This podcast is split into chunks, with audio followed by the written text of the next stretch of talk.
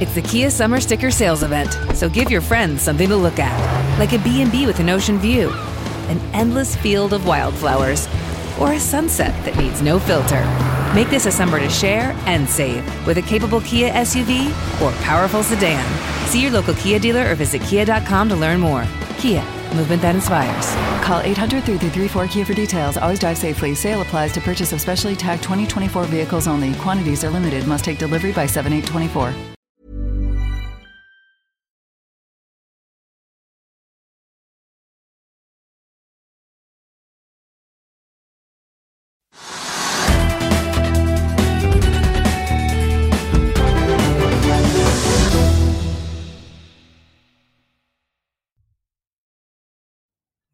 Hei og velkommen til Økonominyhetene. I dag har vi DNB Marketsjef Alexander Ropstad som gjest. Men først skal vi til Oslo Børs, der hovedindeksen har beveget seg rundt nullpunkt i dag etter flere dager med oppgang.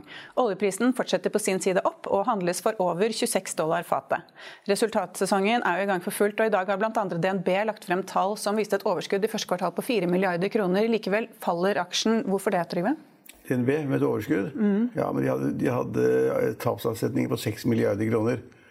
Eh, og det syns markedet er ganske alvorlig. Til å begynne med sendte faktisk markedet aksjen ned til 4% men da jeg gikk i studio nå, så var DNB bare ned 1% Det er litt overraskende, fordi at en tapsavsetning på 6 milliarder er veldig mye. Og hvis de fortsetter med det da, i annet kvartal tredje kvartal, så får man liksom tapsavsetninger på 15-20 milliarder kroner. Og det er langt over det noen kunne regne med. Og det viser bare det at banken nå har fått de problemene som man kunne forutse, nemlig at de har store shipping. De er kjempestore shipping. Og shipping og offshore er elendig. Og de har da måttet ta tap. Sannsynligvis er store altså oljeserviceselskaper. Supply-selskaper, riggeselskaper og hva det måtte være. Og det, og det, blir, det blir, ganske stygt. Og så er det spørsmålet på hvilket tidspunkt de må ta det regnskapet, ikke sant? kontra den avsetningen de tar. Eh, så jeg hadde regnet med at DNB ville falle mye mer i dag enn den gjorde. hadde altså mange hadde ventet tapsavsetning på et par milliarder kroner. Når det blir seks, så var det så mye at eh, DNB-aksjonærene har sluppet billig unna i dag. Ja, for Det var vel ventet eh, ca. 3 milliarder lavere i tapsavsetninger. Men ehm, det som kanskje er litt interessant, er jo at eh, rundt halvparten av det som er tap fra privatpersoner, er jo fra én kunde, på, hvor de da har 345 millioner kroner. Sier de. Men det, er, privat, det er vel ikke en privat kunde, det er vel sannsynligvis ikke da eh, champagne Sannsynligvis ikke ny bil eller dame, vin og sang. Det er sannsynligvis da det er en stor, stor kunde som da har stor eierinteresse, enten i noen supply-skip eller en fabrikk eller et eller annet som har gått, gått nedom og hjem. Og det er veldig mye, uh, veldig mye for én person, da. Men det er, det, er, det er, ikke, det er ikke ens person, tipper jeg da, det er ikke en persons privatliv. Det er noe businessliv som da har gått helt skeis. Og 345 millioner kroner på én kunde, det, det, er jo mye, men det er liksom ikke Det er Norges største bank vi snakker om, det er Norges største finanskonsern. Og de må tåle ganske mye. og Det er derfor de har tapsavsetninger på, på 5,8 milliarder kroner. Så det er litt morsomt. Du skulle gjerne visst hvem det var. Men da er det kanskje én privatperson som har tatt en veldig stor posisjon? da, i et eller annet? Ja, han kan, kan tatt, det kan være aksjetrading. Det er bommet helt og lånefinansiert aksjer. Det burde ikke banken drive noe særlig med. Men det kan godt tenkes at, at jeg har en kunde som da har lånt 50% på aksjer.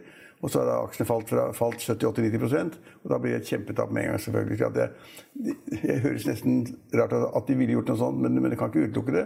For vi har jo sett fall i, i både innen shipping og innen oljeservice på aksjer på 80-90% 80-90 har man har vært med i det racet der og trodde kanskje at nå er bunnen nådd, og så har man gått inn og kjøpt ganske mye aksjer, og så har man lånefinansiert det, så får man en kjempesmell. Men, men, vi vet jo ikke hva det er. Men, det ser veldig stygt ut, men det er ikke så stygt som, som det ser ut.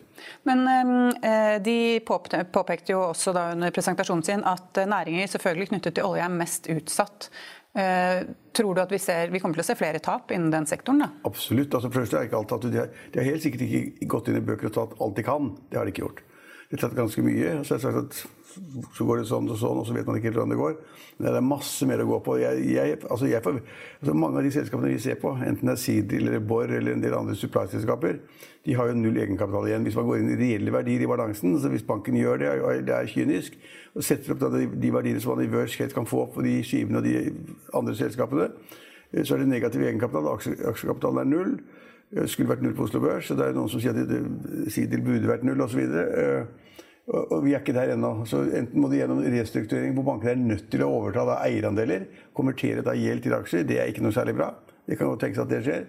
Eller at de konker selskapene. Det er vi ikke særlig glade for i Norge, så vi konker veldig sjelden shippingselskaper og supply-selskaper, men det burde man sannsynligvis gjøre. Og I det øyeblikket det kommer, eller de forsøker å slå det sammen med to-tre andre selskaper, som de har gjort før, altså en sånn rekonstruksjon av bransjen på en måte, alle selskapene, men da, da må man også ta ut tap, avhengig av hvilke aksjer man får, hvilke verdier det er der altså, i fusjons, fusjonsprosessen.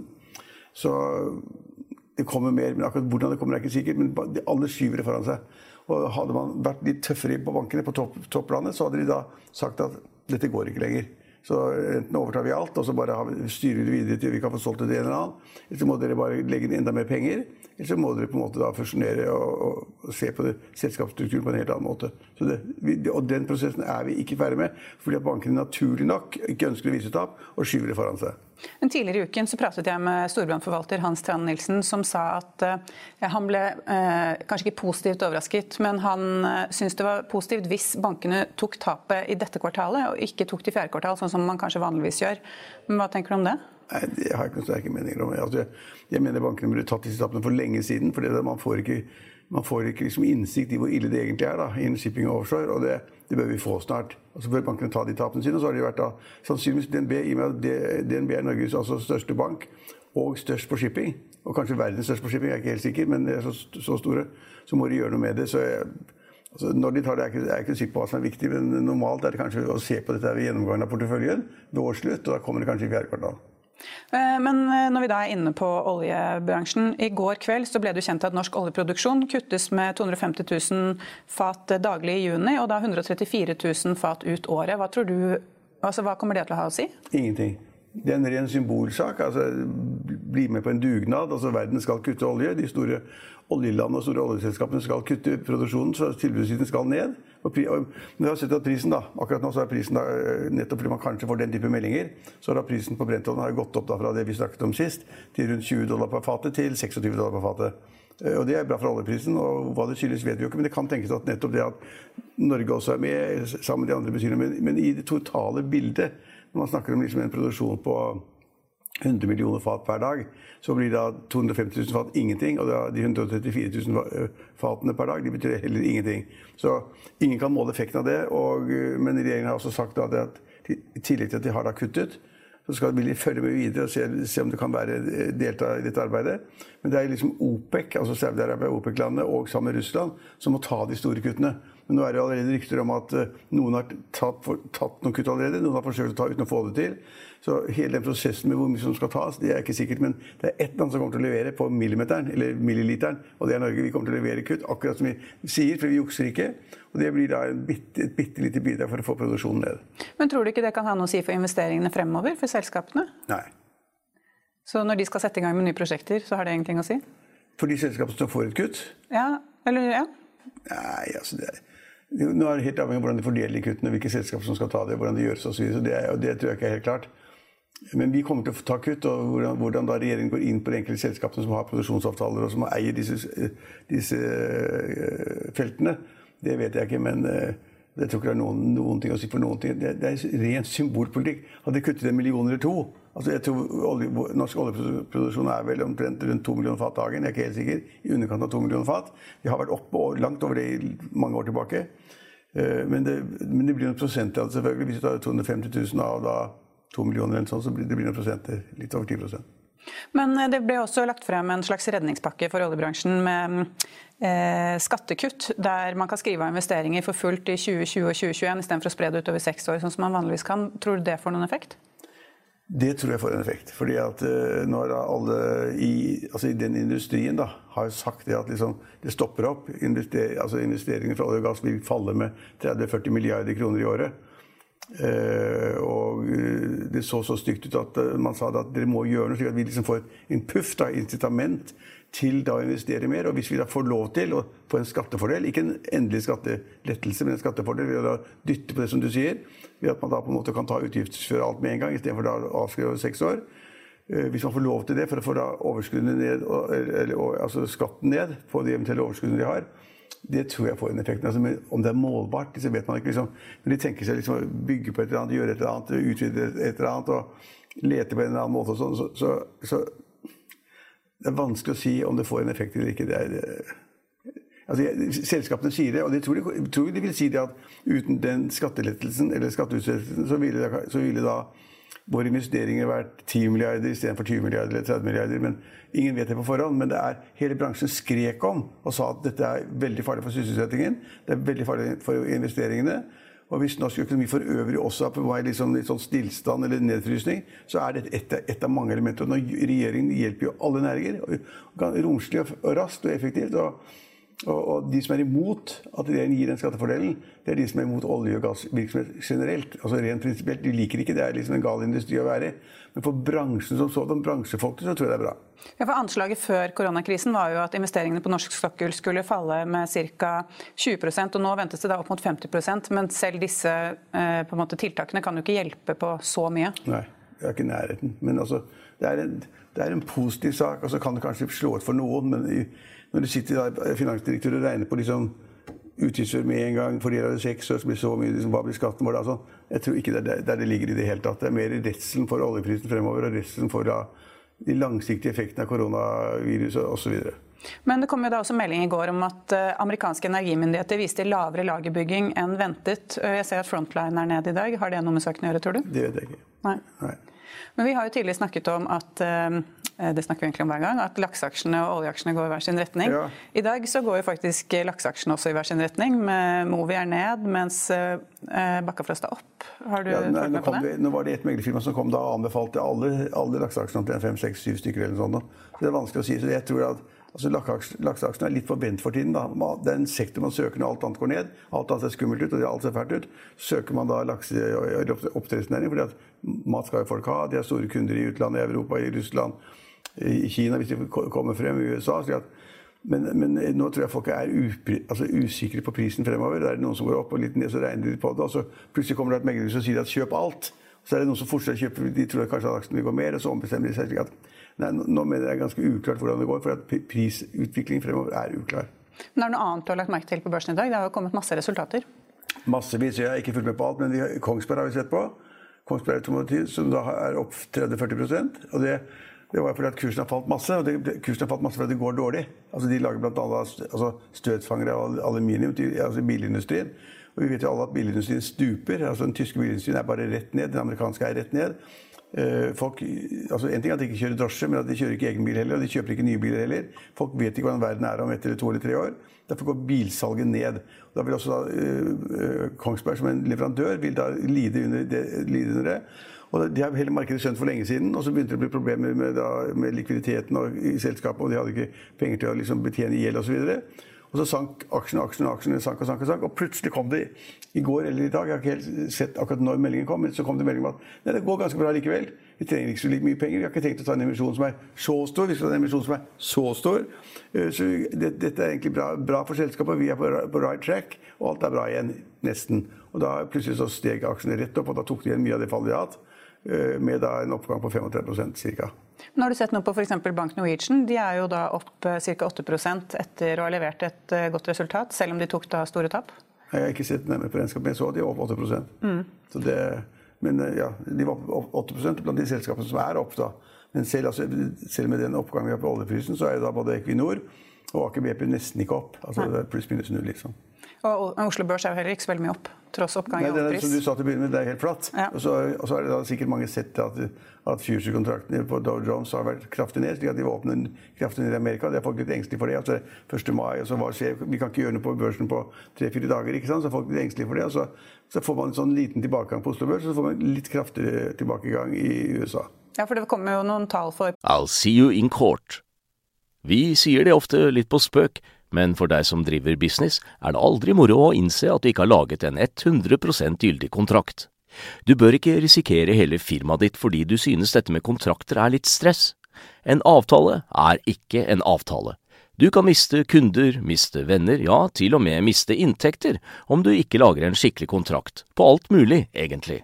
Men vi vet det er et styr. Kopimaskiner, tregprinter og haugevis av papir. Dessuten stoler vi jo på folk her i landet. Det er ofte litt kleint å skulle be om en signatur for alt mulig, ja, for mye av styret handler også om jakten på underskriften. Det finnes en enkel måte å løse dette på. Dukkobit. En trygg, effektiv og get this, gratis måte å sikre seg en god natts søvn pluss en juridisk bindende avtale.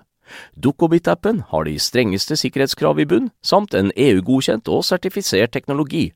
Framover vil det bli behagelig å spørre du, skal vi skrive under på det, eller? Kom i gang på dokobit.no. Privat forbruk i USA vel, som var skuffende. Ja, det, det, det, det, som kom mange tall, men det tallet jeg så, som var veldig skuffende, i hvert fall, det var da de førstegangssøkende til arbeidsledighetstrygd. Det tallet var altså, siste uka 3,8 milliarder. Det var nei, millioner.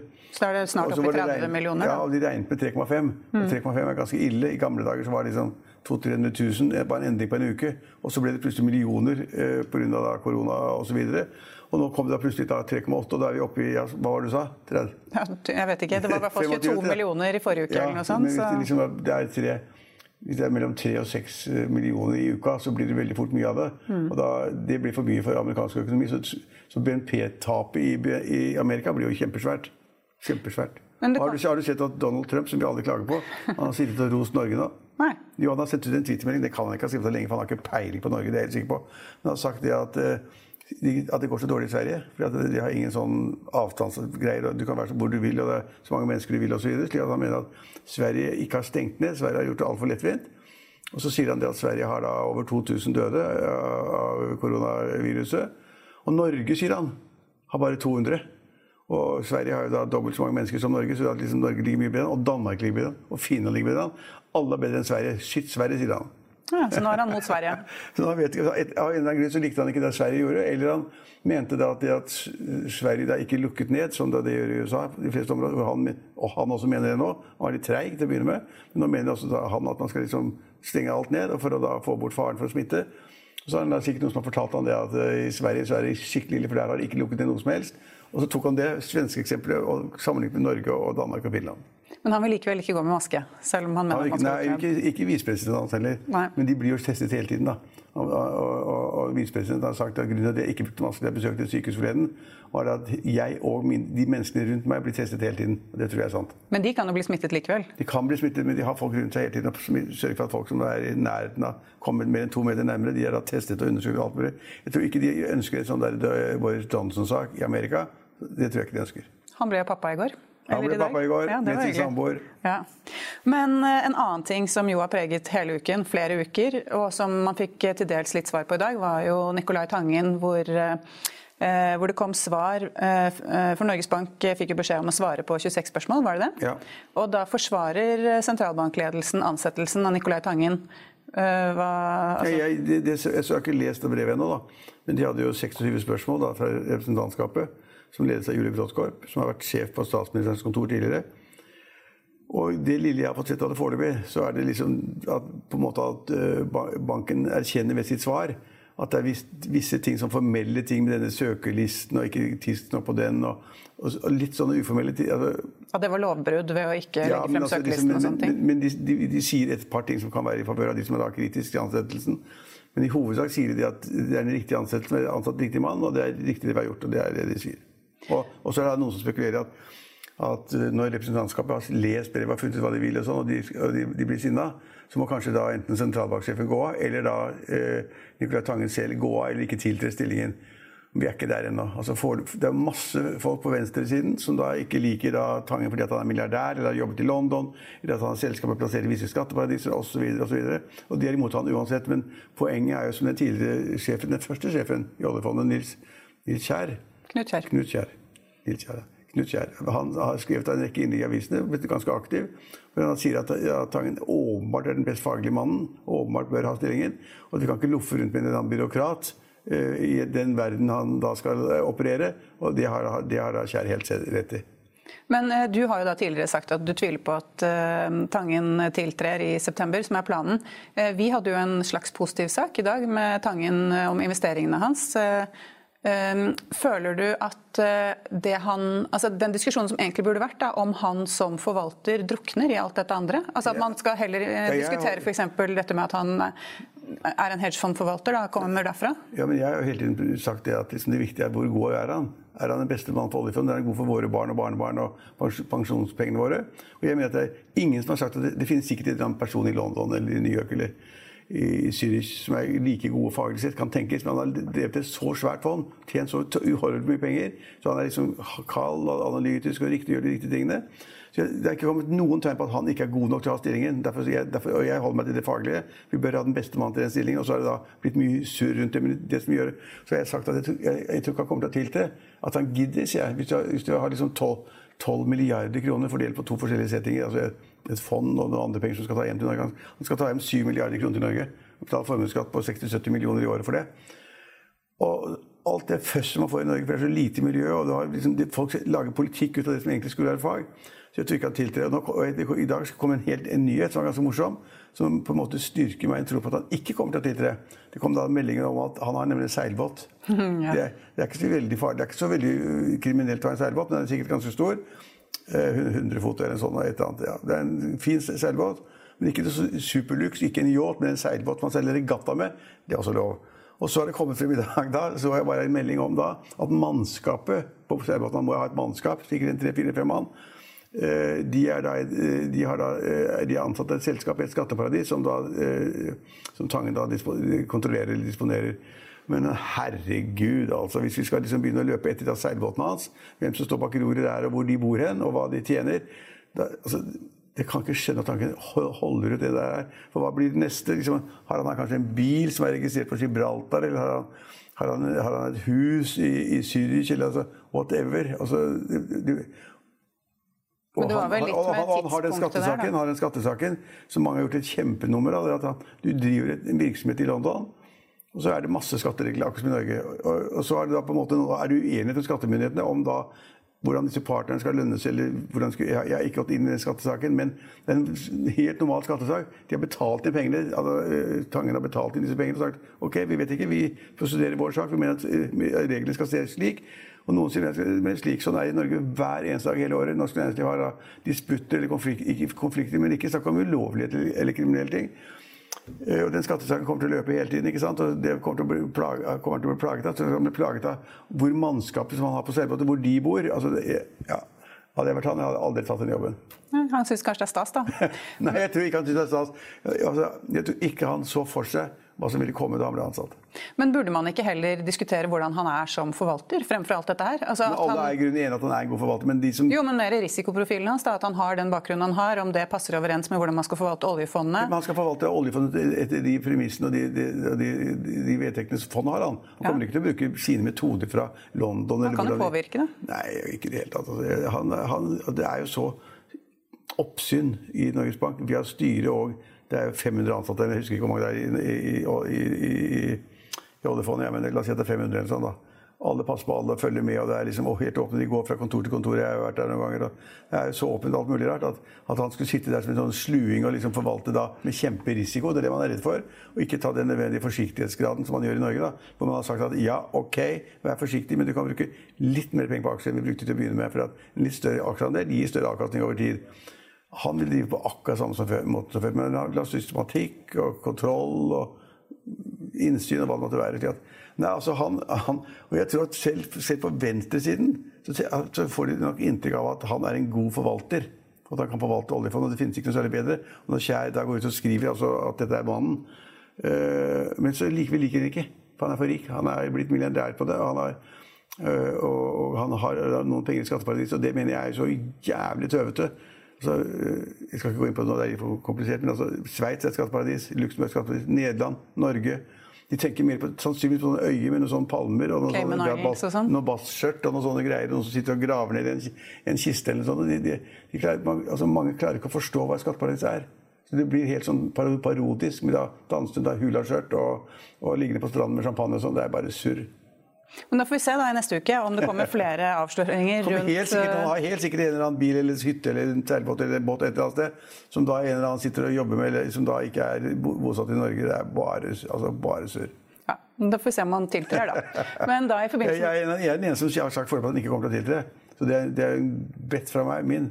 De fleste andre tror, regner med at han tiltrer, at han tåler at han er tøff nok, mm. og at han vil ta den fighten. For han vil ta den. Men altså på et eller annet tidspunkt så sier, så sier han og kona sitter har en god, god, god, kveld hjemme og så tar de et godt glass vin og sitter og koser seg. Liksom, ok, vi har et hus i Kristiansand, eller hvis vi kanskje kjøper det. Og vi har et hus i Oslo. Alt det koster jo peanuts. Eh, Og nå skal vi ha et roligere liv med ungene våre og kose oss og seile litt mer og ha det hyggelig. Og skal jeg da ta den der fighten hver eneste dag i norske medier? Hver eneste dag fremover? Det tror jeg ikke vi gidder. Tenker jeg de kanskje sier, og så går de og legger seg og har det hyggelig. Så får vi se da om det blir en byråkrat likevel. ja, ja. Ja. Men i forbindelse med at DNB la frem tall, så kom også resultater fra bankens meglerdel. DNB Markets hadde et underskudd før skatt på 335 millioner kroner og legger bak seg det svakeste første kvartalet siden finanskrisen. Tidligere i dag pratet jeg med DNB Nord Markets-sjef Alexander Oppstad, som likevel er en slags optimist. DNB Markets-sjef Alexander Opstad, dere la frem et eh, resultat på minus 335 eh, millioner før skatt i første kvartal. Hva var årsaken til eh, tapet? Så dette er det dårligste kvartalet vi har hatt siden første kvartal 2008. På kundesiden for oss så har det egentlig vært et, et bra kvartal. Faktisk det beste første kvartalet vi har hatt noensinne. Så kundeinntektene isolert sett var opp 20% fra eh, første kvartal i fjor. Eh, men så er det sånn at vi bærer med oss en del risiko når vi eh, gjør en del av disse kundeforretningene. Og på det vi kaller for risk management-inntekter, så hadde vi et stort negativt tall for kvartalet, og det er hovedforklaringen.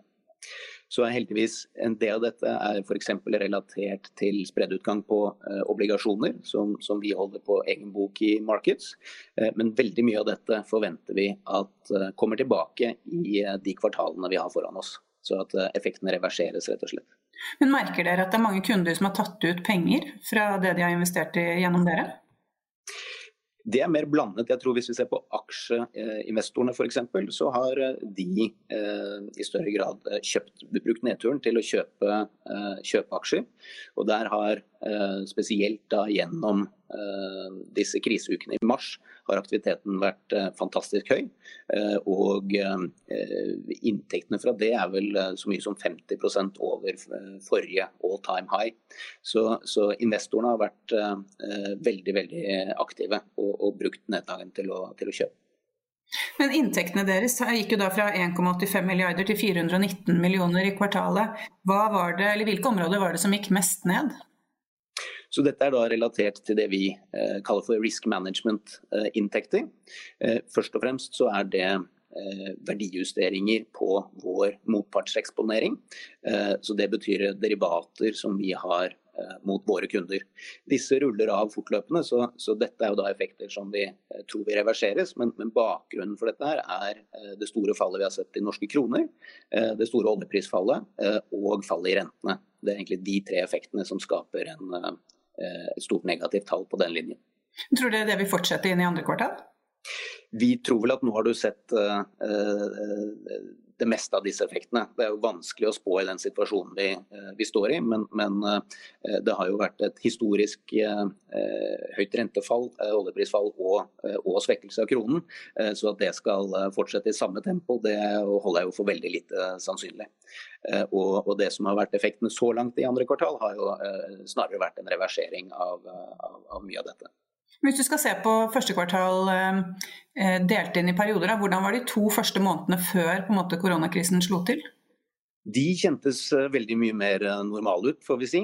Så vi hadde på sett og vis en god start på året gjennom januar og, og februar, og lå vel på mange måter foran våre forventninger når vi kom til slutten av februar.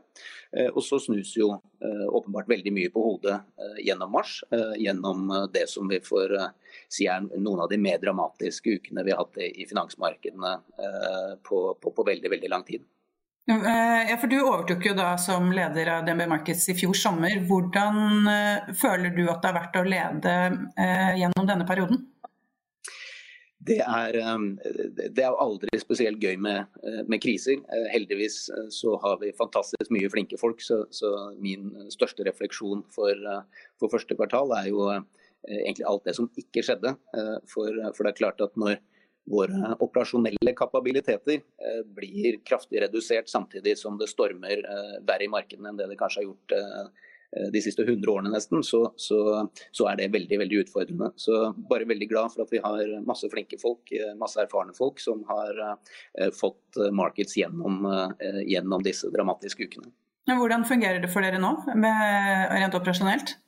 Så For øyeblikket så er de aller aller fleste på, på hjemmekontor. Eh, vi er vel eh, et sted mellom 80 og 90 på, på, på hjemmekontor globalt.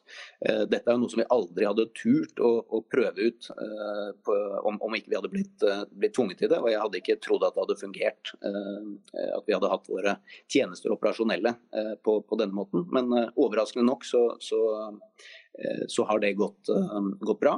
Men vi er absolutt helt avhengig av å ha også noen på, på kontoret. Men i den meglerhallen hvor det vanligvis sitter nærmere 300 personer, så så er det nå et fåtall.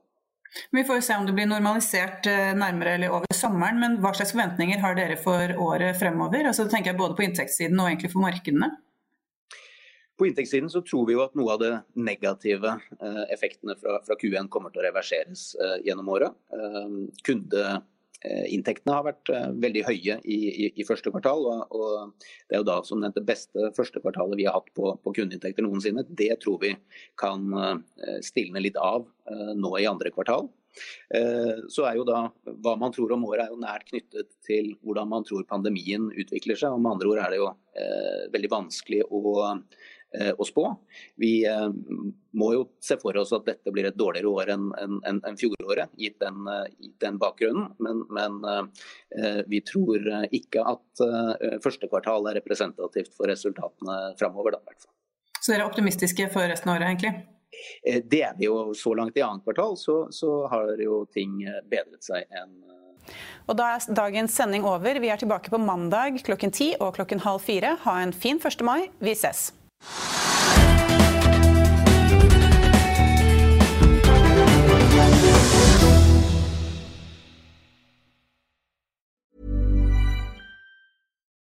When you need mealtime inspiration, it's worth shopping Kroger, where you'll find over 30,000 mouthwatering choices that excite your inner foodie. And no matter what tasty choice you make, you'll enjoy our everyday low prices, plus extra ways to save, like digital coupons worth over $600 each week. You can also save up to $1 off per gallon at the pump with fuel points. More savings and more inspiring flavors make shopping Kroger worth it every time. Kroger, fresh for everyone. Fuel restrictions apply.